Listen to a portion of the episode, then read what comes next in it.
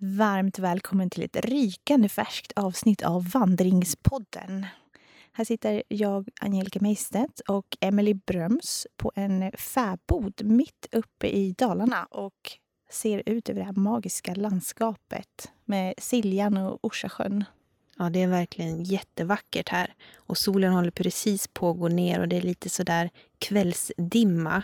Så det är verkligen mystiskt och magiskt. En annan plats som är både mystisk och magisk det är Island som dagens gäst har besökt. Precis, för jag har träffat Tina Forsberg som har sprungit runt Island till förmån för Autism och Aspergerförbundet. Och anledningen till att hon engagerar sig just för det förbundet det är för att hon har en syster som har en sån diagnos. Men Tina har alltså sprungit runt Island och fått upplevt alla de här fantastiska platserna och miljöerna. Har du varit på Island, Angelica?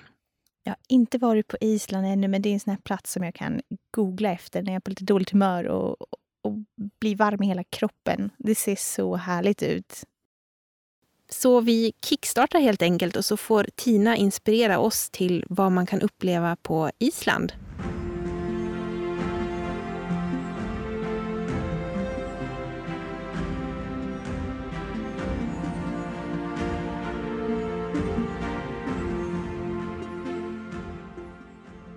Hej Tina och välkommen till Vandringspodden. Tack! Vad har du gjort idag? Eh, nu har jag inte hunnit så mycket mer än att jobba. Ja, och nu är jag här hos dig. Men annars då? Om du, när du har jobbat klart, vad brukar hända då? Ja, men det är nog mycket logistik på hemmaplan med lilla syster och morfar och sådana livspussel. Jag har ingen egen familj på det viset, men det blir pussel ändå. Bilar och folk och skjutsa, hämta, lämna och sånt där. Berätta lite om dig själv. Vem är du? Oj. Ja, jag är eh, en inbiten Morabo, 28 år. Jag är ultralöpare och äventyrare, om man får säga så. Och eh, nej men håller på en hel del med äventyr ju. Jobbar på heltid på Mora Kniv. Och jag är styrelsemedlem i Autism och Aspergerföreningen i Dalarna. Ehm, för att oftast när jag är på äventyr så är ju det till förmån för autism eller... Så det, det går ganska hand i hand, allting. Och hur halkar du in på det här äventyr, ultralöp, historierna? Men det där är ju en ganska eh, jättekul historia egentligen. För att jag tyckte ju inte om att springa så mycket när jag gick i skolan. I grundskolan. Då tyckte jag idrotten var ganska läskig. Det här med omklädningsrummen och tjejer och killar och man blev vald sist kanske och sådär. Eh, då tyckte inte jag träning var så kul. Och sen dansade jag mest. Det passade mig bäst. Eh, och sen efter skolan var slut och sådär så började jag springa för att avreagera mig tror jag. På en stressfull vardag och sådär.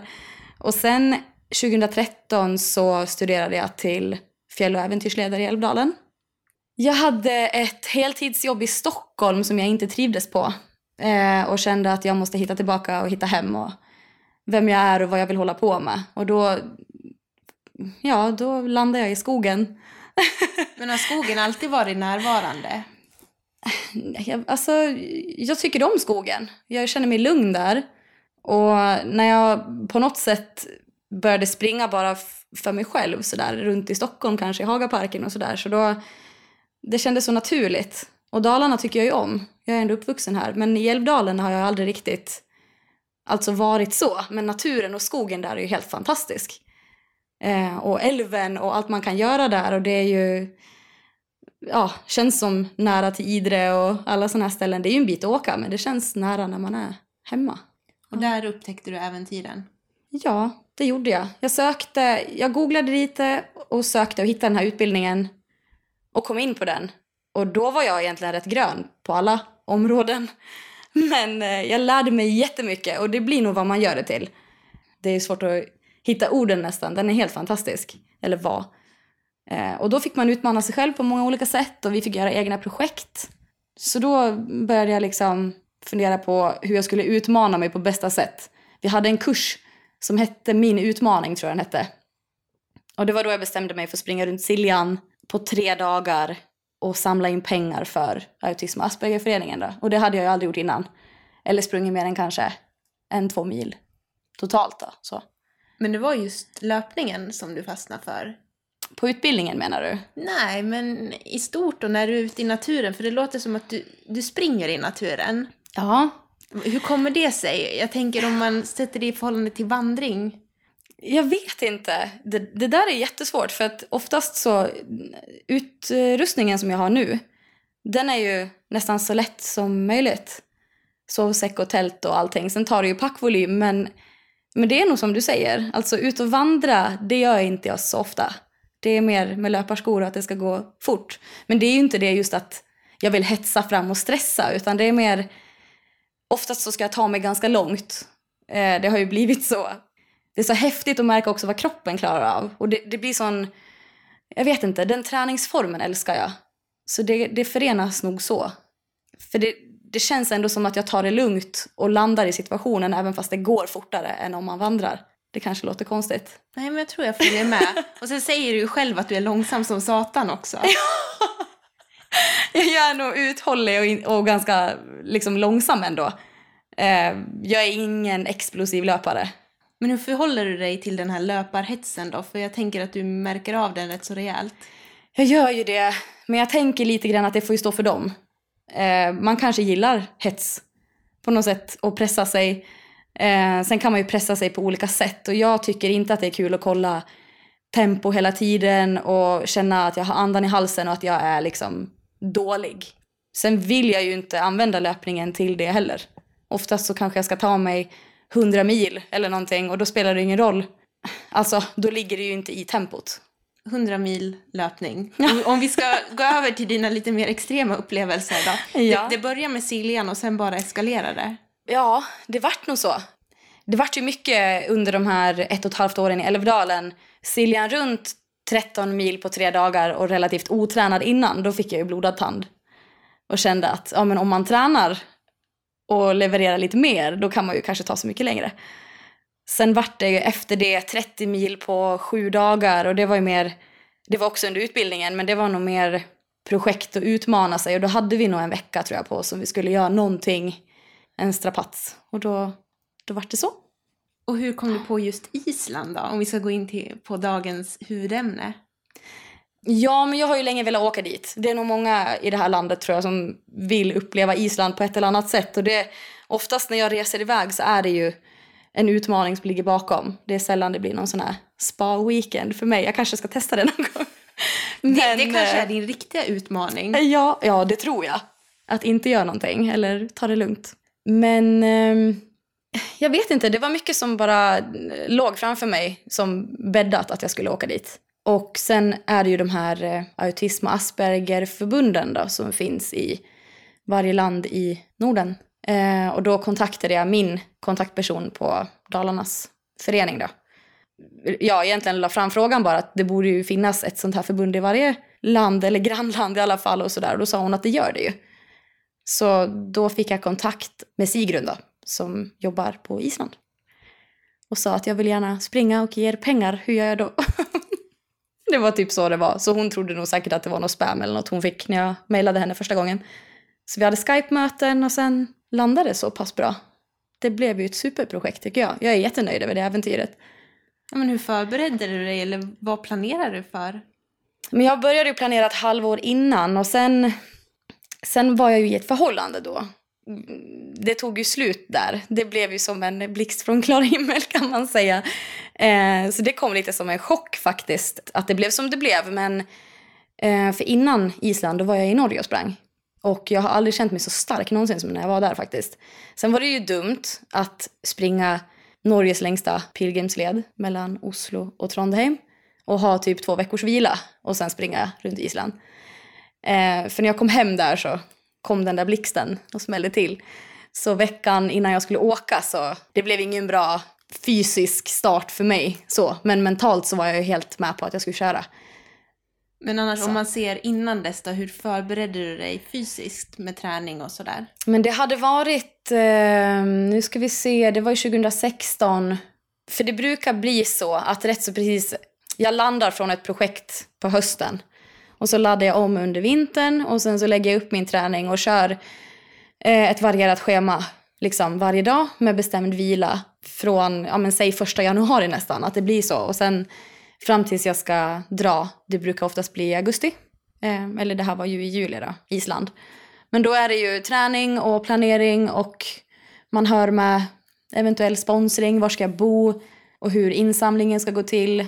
Och det är ju inte så lätt med Swish och sådär när man ger sig utanför Sverige. Så det måste ju finnas 90-konton och alla sådana här eh, saker måste ju funka. Och marknadsföring och sådär. Jag använder ju oftast mina kanaler som jag alltid använder.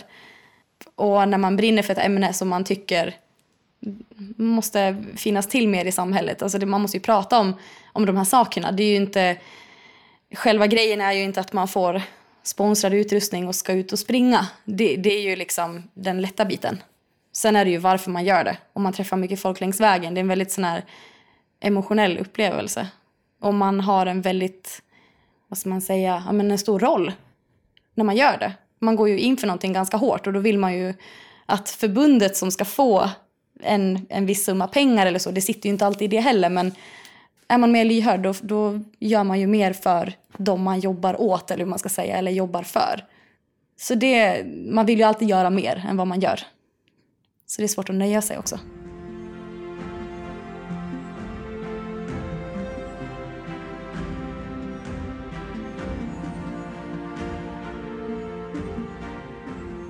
Men när du satt på flyget mot Island, hur gick tankarna? Eh, jag var jättenervös och jätteglad. Och det är ju så inför ett äventyr, det är ju en helt alltså, obeskrivlig känsla. Då har man planerat någonting och gått in för någonting väldigt hårt och man har satsat mycket. Allt egentligen. Och man vet inte vad man har att förvänta sig. Jag hade ju aldrig varit i Island innan. Men vad visste du låg framför dig då? Vad var det för sträcka och vad var det för plan? Det var att börja i Reykjavik och jag skulle bli eh, omhändertagen i ja, första dagarna av just förbundet där. Då. Eh, och de eh, skulle ge mig den informationen jag behövde. Det var mycket exakta kartor i detaljer som jag inte fick förrän jag kom dit. Eh, och vi hade en väldigt bra dialog innan och över mail och skype och sådär. Um, så jag hade ju suttit liksom och planerat i detalj, distans per dag, ungefär fyra mil per dag. Det var 140 mil totalt vad jag visste. Och att det var längs Ringvägen. Och den är ju asfalt och ibland grus. Och sen ibland så är det ju kanske vägarbeten eller saker som händer på ön som jag inte vet om förrän jag kommer dit. Det var en tunnel jag inte fick vara i. Då la de ju på, eller la de på, det blev ju ungefär 4,5 mil extra för jag fick ju inte springa i tunneln, jag fick lov att springa runt. Sånt läggs ju på också. Så det är mycket sån här eh, logistik och sånt som man inte vet förrän man är på plats. Så jag hade fyra dagar i Reykjavik som jag hann liksom landa i projektet. Åka till Blå lagunen gjorde jag en gång. Det var ju liksom en sparkänsla. Då fick du vara lite turist där också. Ja, exakt. Sen körde du igång. Ja. Och vad låg i ryggsäcken då? Eller vad hade du med dig? Jag hade ju en sån här vagn då. Som du sprang med? Mm. Det hade jag aldrig gjort innan. vad är det här för slags vagn? Det är en sån här, eh, men vad, vad kallas det för? En sån trehjulad vagn som man annars egentligen ska ha ett barn i. När man springer. Eh, men där la jag min eh, kajka på 75 liter, 25 kilo. Full med mat och vatten och kläder. Och tält och sovsäck och kök. Primuskök, alltså gas och sånt där. Och det är liksom bara en sån sak, du får inte flyga med gas. Så jag måste ju köpa sånt här innan, vart gör jag det? Alla såna här små saker. Eh, så det hade jag i, i den vagnen då. Och mat och vatten och sånt där, du sa du hade det med dig, men var det för hela resan eller? Nej, det var det inte, utan det var, alltså det fick man ju också planera innan. Man måste kolla det på kartan med rutten. Alltså det är inte direkt närliggande städer varje dag som man passerar. Långt ifrån. Eh, så jag fick ju kolla liksom då hur många måltider som jag behövde bära på, eller putta på egentligen. Och sen är det ju vissa små byar, något café som man springer förbi och, och sådär. Och då behöver du ju inte ta av det som ligger i utrustningen utan då kan man ju spara på det. Och så äter man längs vägen i den mån det går. Det är ju många dagar utan att man ser eller träffar någon överhuvudtaget. Men du sprang alltså själv hela vägen eller hade du sällskap några etapper? När jag hade sällskap ut ur Reykjavik och in i Reykjavik. Annars så var jag solo. Hur var det då? Helt magiskt. Alltså det... Jag är ju en sån där person som... Jag har inga problem med att umgås med mig själv. Och det är lätt att bestämma när man ska upp och iväg. Eller lägga sig och vad man ska göra. Det är ju ganska lätt när man är själv. Men sen, det är väl en konst i sig att kunna ta hand om sig själv när man är sårbar. Och har ont och ska laga mat men inte vet i vilken ände man ska börja när man är kall och, och frusen liksom överallt och blöt och sånt där. Men jag, jag tycker att det är jätteskönt. Bästa jag har gjort alltså. Helt magiskt. Vad var det som var så bra då? Eller vad upptäckte du där på de isländska vägarna? Det är så svårt att återberätta sånt här i detalj. Och sen har det ju gått två år. Men jag vet inte, det låter klyschigt men man hittar ju sig själv. Även om jag vill påstå att jag hade gjort det innan. Men man blir starkare av sånt här. Man, jag hade ju väl en, en viss annan emotionell resa som jag gjorde då också. Eh, men bara som att min stora syster och hennes kille kom dit och överraskade mig och letade upp mig på plats. Det var ju liksom bara helt otroligt när man är i sin egen lilla bubbla. Men jag vet inte, jag får blodad tand av alla såna här äventyr som jag gör. Sen är ju Islands äventyret so far det största, eller man ska säga, som jag har gjort och varit ute på själv. Det var ändå strax över en månad som jag var borta. Men nej, alltså det är jättesvårt att beskriva. Det, det är jätteroligt och det är jättejobbigt och det gör jätteont. Liksom var i kroppen. Vad är det tuffaste? Det är mycket saker som är tufft höll jag på att säga. Allt ifrån eh, att man kanske ligger på kvällen och känner sig ensam. Det kan ju vara en känsla som bara kommer från ingenstans. Och man tänker, vad håller jag på med? Jag kan ju inte bara liksom ringa mamma och åka hem eller hoppa på bussen och ångra sig. Men alltså, det är ju inte så när man är ute att man ångrar sig på det viset. Men en sån där känsla kan ju komma att man känner sig ensam. Eller mm. rent av en dag när det, det hade regnat i tre dagar konstant. Och alla mina grejer var ju liksom dyngsura det regnade inte in liksom ovanifrån, men ifrån tältet så sipprade det in från golvet. För att regnet hann inte försvinna från marken. Oavsett vart jag hade satt upp tältet så hade inte det spelat någon roll. Um, sen hade jag med mig en tarp, ja, en ganska stor sådan, och den la jag som extra golv. Och jag vet inte hur äventyret hade gått om inte jag hade haft den med mig. För det, då kunde jag ju ha upp liggunderlag, jag kunde lyfta upp och klättra upp, eh, knyta upp saker i taket. Men sov du i tält alla nätter? Inte alla. Um, ibland var det någon vänlig själ som lät mig sova inomhus. Det kunde ju vara ett café som satt ihop med en längre byggnad och så hade de tydligen rum där med sängar så att det var tydligen ett hotell. Mm. Såg inte ut så utanifrån. En gång så var det en dam som bjöd mig på sallad och sa att hon kunde tvätta mina grejer och fick sova inomhus och sådär. Vilken, vilken lyx! ja, helt fantastiska människor. Ja, men vad sa människor när du sprang förbi? Ja, många frågar ju för det första vad det är jag håller på med. Många tror att det är ett barn som jag sprang och puttade på. Så de tänkte att det här är liksom, kan man inte göra. Det är livsfarligt. Många hade ju en vän eller en anhörig med diagnos. Då har man ganska mycket att prata om. Man kommer in på ganska djupa spår ibland. Men det är nästan så att det kändes lite så. Och så har det varit på andra äventyr också när någon frågar, men får man fråga vad det är du håller på med liksom? Eller ja, du kommer från Sverige. För jag hade ju en svensk och en isländsk flagga på den här vagnen då. Och då vart de sådär ställda liksom att men gud jag har ju en son eller en, och gud vilken bra grej. Och så nästan varje person som jag träffade hade ju någon som den kände med en diagnos. Och det är ju kanske ingenting som man pratar om. Man bara lever efter det livet de är vana vid utan att ta hjälp eller veta vart de ska vända sig. Så det, ibland undrar man ju liksom om det är någon som, som står och ljuger och hittar på för att det är så... Alltså att, att varje person nästan ska ha en sån historia och berätta. Det känns som påhittat ibland nästan. Om du skulle beskriva en vanlig dag, hur såg den ut? Ja, den eh, såg nog ut som att förmodligen så vaknar jag i ett ganska regnigt tält. Det är ganska ruggigt och förhoppningsvis eh, blåsigt. Eh, man får kliva ur och börja fundera på om man ska hitta någonstans att kissa eller om man ska börja göra frukost. Eh, och sen är det nog ganska fort liksom packa ihop och iväg. Vad är klockan då? Eh, jag drog iväg senast klockan sju på morgonen. Eh, och sen börja ganska lättklätt. Det är väl det som är så jobbigt när det är regnigt och ruskigt och blåsigt och sådär. Det är ju dumt att springa med massa kläder på för man ska ju inte bli svettig och sådär. Och det är ju jobbigt sen när man ska stanna och så ska man klä av sig och hålla på. Så jag brukar börja lite sådär så att man står och huttrar nästan. Eh, och sen springer man väl på i någon slags lunk. Och sen slutar dagen ungefär, ja men jag höll nog på i en sån här 10-12 timmar. När man tänker att folk är på jobbet så var jag ute och sprang. Så. Det var som min arbetsdag. Och sen kommer du fram och så sätter du upp ditt tält. Mm. Det första man gör, sätter upp tältet så att man har någonstans att krypa in. Byta tröja eller byta kläder, få på sig torrt och varmt och ja, börja laga mat. Och sen krypa in och skriva dagbok. Kanske smsa hem. Jag pratade ju mycket med dem där hemma när jag var borta, det gjorde jag. Och då kunde jag nog inte heller använda internet på min telefon att posta saker på nätet och sådär. Så då smsade jag en text till min stora syster som la ut på Facebook. Eh, och sen sova.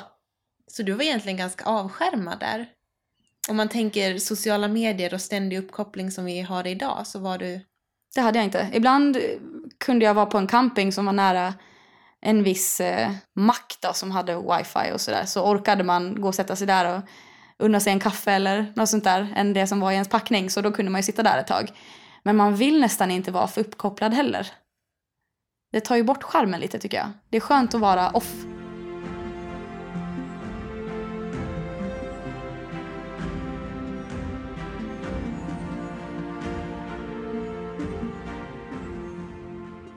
Hur såg terrängen ut? Vad var det för landskap och du sprang i? Det var nog väldigt platt. Inte varje dag, absolut inte, men det är ju liksom platt egentligen asfaltsväg så långt som man ser i horisonten. Sådana vägar tycker jag är helt fantastiska. Det är så häftigt när man liksom ser havet, oftast på vänster sida om en eftersom att jag sprang norrut. Eh, och så ser man inåt landet på andra sidan, då kan det vara som en hög klippvägg vid vägen eller så är det helt slätt, helt platt så långt ögat når. Ja, men det var ju, ibland var det ju liksom grus och det var inte så kul att springa med vagnen då. Och vagnen hade också problem med ena hjulet så den svängde lätt in åt höger. Så jag fick liksom springa och putta den hela tiden lite extra med höga handen. Det var, jag har inte sprungit med vagn sedan dess. Det var nog första och sista gången tror jag. Men hade du tränat med vagnen innan? Nej. Så du kom Jag dit inte och körde direkt alltså? Ja, det gjorde jag. Det var min bästa lösning. Jag kunde ju inte springa med mina 25 kilo. Det var en väldigt bra plan och de fixade vagnen åt mig och allt sånt där. Så det, det var en väldigt bra lösning tycker jag. Men du sprang efter en bilväg. Mm. Hur var det med säkerheten? Alltså om man tänker både från trafik men också sen när du skulle stanna och... Alltså inga eh, trottoarer direkt eller en, en, en kant du vet om sidan av vägen vid, till diket eller så utan det var liksom, man var ju som på vägen och sprang. Som våra små 70 vägar här. Eh, in och ut ur städer givetvis så är det ju trottoarer och nej det var, det var väldigt tajt många gånger. Och ibland någon cyklist som kom förbi och sådär och, och jag. Så bilarna fick ju som väja. Det var lite läskigt ibland när de kom och strök liksom väldigt nära. Rent trygghetsmässigt då, kände du dig säker? Den där frågan har jag fått ganska mycket. Ja, men som ensam tjej springa sådär. Och det slog mig när jag kom hem faktiskt. Ibland så kunde jag befinna mig på en camping som var ganska stor, jättemycket turister och många dricker alkohol och liksom sådär. Då kunde jag känna mig lite sådär, äh, jag ska nog placera tältet lite längre bort eller vara lite mer off. Men eh, egentligen så är man nog ganska utsatt. Sen väljer jag att inte tänka för mycket på det. Då vet jag inte riktigt hur man ska om man inte ska våga ta sig ut, då blir det ju fel. Och är man själv kan man ju bli nojig. Det är ju inte så mycket vilt där direkt som hemma här. Så det är ju mer folk. Men det är ju lätt att det kan stanna en bil och rycka in en om det är så. Det är ju, alltså, man är ju själv. Men det, det tänkte jag nog mer på när jag kom hem. Jag hade inte de bekymren när jag var där. Och sen då, när du började närma dig mål, hur gick tankarna då? Men du, jag filmade vet jag och skrek och zoomade in Reykjavik långt, långt, långt bort i horisonten. Eh, jag hade ju missbedömt avståndet den dagen vet jag. Eh, för jag skulle springa igenom Reykjavik ut på andra sidan innan jag var klar. Så jag tror det vart så en och en halv mil extra än vad jag hade tänkt. Jag tänkte jag kommer ju aldrig fram, den här stan är ju hopplös. den ligger så långt bort. Men eh, när den dagen var ju bara, och då kändes det som att äventyret, jag hade liksom varit ute kanske en dag. Helt otroligt. Och sen ändå så blir man lite ledsen när ett äventyr är över. Det är ju liksom ens bebis man har gått och planerat ändå ett halvår kanske inte låter så länge men man går ju ändå i tankarna innan man sätter sig och kanske planerar. Och sen är det slut. Vad hände då? då? jag har ju rest tillbaka till Island efter det där. Och det blir ju aldrig samma sak riktigt. Man har ju sig själv och sin egen upplevelse.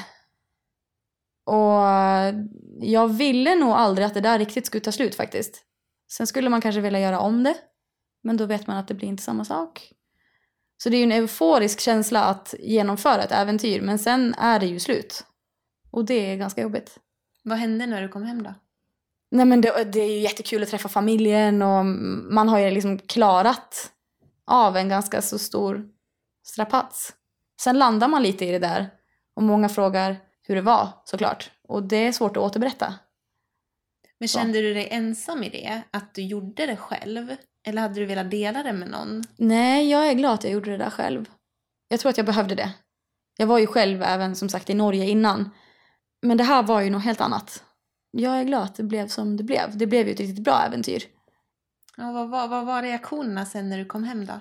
Nej, men det är superhäftigt och alla runt omkring en är ju bara glada för en skull att man drar iväg sådär. Jag tror det är väl många kanske som skulle vilja men som kanske inte har gjort det eller som inte gör det och då kanske de får leva lite genom mig på det viset.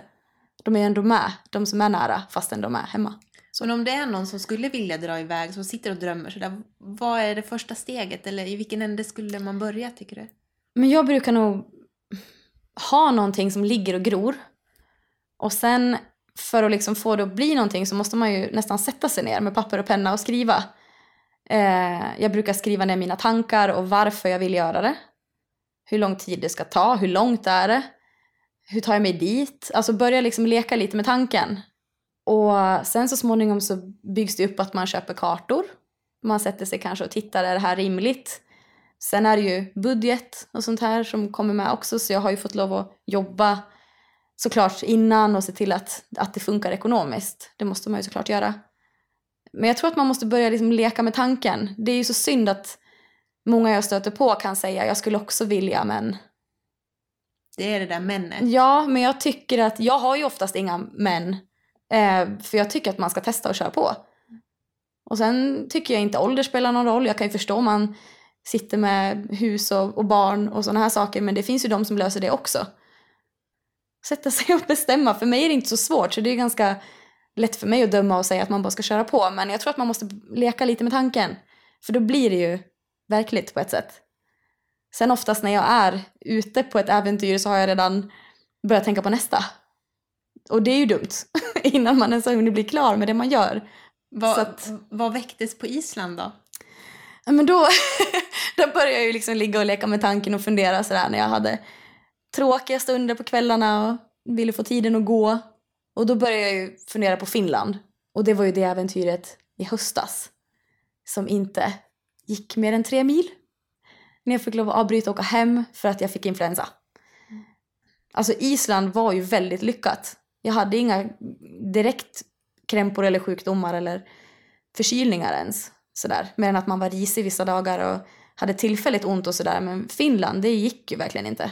Men, ja, men hur reagerar kroppen på sådana här extrema äventyr? Jag hade ju vant mig rätt bra innan i och med utbildningen i Älvdalen. För där fick vi verkligen testa på. Hur är det att vara hungrig? Hur, hur blir man när man är hungrig? Hur tar man hand om sig själv? Vad funkar för mig i matväg när jag är ute och springer till exempel? Jag kan inte äta så mycket när jag är liksom i själva löpningen. Eh, jag får äta mycket innan och efter. Annars så rasar ju magen åt mig helt och hållet. Så sådana där saker får man ju lära sig och se till att man hela tiden håller liksom vätskebalansen och alla sådana saker. Så där är ju alla olika. Då fick jag verkligen lära mig vad som funkar bäst för mig. Så det var väldigt nyttigt. Men sen ett maraton om dagen. Ungefär, ja. Hade du vilodagar? Inte så planerat som jag hade tänkt ha i Finland. Um, så det tog jag med mig till Finlandsäventyret, att jag ska ha en spikad vilodag även om jag vill eller inte. Um, Island vart mer att jag vilade när jag kände mig som värst. Och sen hade jag jättetråkigt på vilodagarna för då ville jag bara iväg. Men man ska nog ha en spikad sån dag tror jag. Så att man håller i längden. Mm. Men du höll ihop på Island i alla fall? Ja. Relativt ja. väl? ja, det gjorde jag.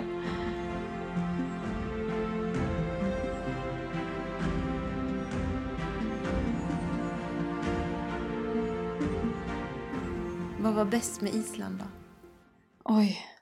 Men det är nog Ja, men dels naturen. Jag kunde sakna träd ibland. De har inte så mycket träd på Island. Men, eh, och människorna man träffar och deras historier. Det är ju därför jag gör det. Det är helt fantastiska människor som, som bor och lever och jobbar med förbundet där. De, liksom, de är ju, vad är de, 350 000 invånare som bor där och de, liksom, oavsett vart du är på ön så pratar alla så väl om varandra. I alla fall de jag träffar. Det känns som en familj liksom, hela, Hela landet? hela landet. Ja. Sen träffar jag ju mest äldre som kanske jobbar ute på någon gård eller som den här damen på det här hostlet eller vad man ska kalla det. Alltså det var fina människor. Och nu så står Finland som nästa punkt på äventyrslistan, är det så? Ja. Det är ju lite hatkärlek till det där äventyret. Det, Det ligger där och gnager. ja men det gör ju det. Men det ska jag ju göra dels för att jag vill också, givetvis. Och vad är det då? Du ska springa genom Finland? Mm, ifrån Utsjoki upp i norr och ner till Hangö i eh, söder. Och det är ju till förmån för det finska autismförbundet då. Och de är också helt fantastiska. Men då har du det kvar. Ja. Så nu får du sitta och klura på den och planera. Och, för är inte det också lite av skärmen? Det här förberedelserna och förväntan. Jo, det är det. Alltså det är jätteroligt att sitta och planera och fundera och hur, när man ska göra det eller liksom snacket innan är ju supermysigt. Så det blir väl i mitten på juni, tror jag, nästa år. Hur långt är det i Finland då? Inte lika konkret som runt Island, men det är väl ungefär 160 mil skulle jag säga. Och tidsplanen? En och en halv månad. Kanske blir två månader. Jag ska sätta mig och verkligen spika det där. Blir det att springa med vagn då också? Nej, då springer jag med ryggsäck. Eh, skalar ner det så mycket det går. Sen är det mest innan man når Rovaniemi som det är ganska sårbart med det här med maten och det. Så då får man bära lite tyngre och sen ju längre söderut jag kommer så ju mer befolkat och ju mer städer passerar man. Så det är tuffast i början kan man säga. Om man vill följa dig och dina äventyr, vart finns du då någonstans? Ja, men jag uppdaterar mest på Instagram. Eh, och där heter jag ju Tina Forsberg. Fast med två i i Tina då. Och sen är det ju min hemsida, tinaforsberg.se. Då vet vi vart vi ska hålla utkik. Ja! Både om vi vill se mer av Island och hur det var, Mm. men också följa dig framöver. Tack så jättemycket för att du ville vara med. ja. Tack själv.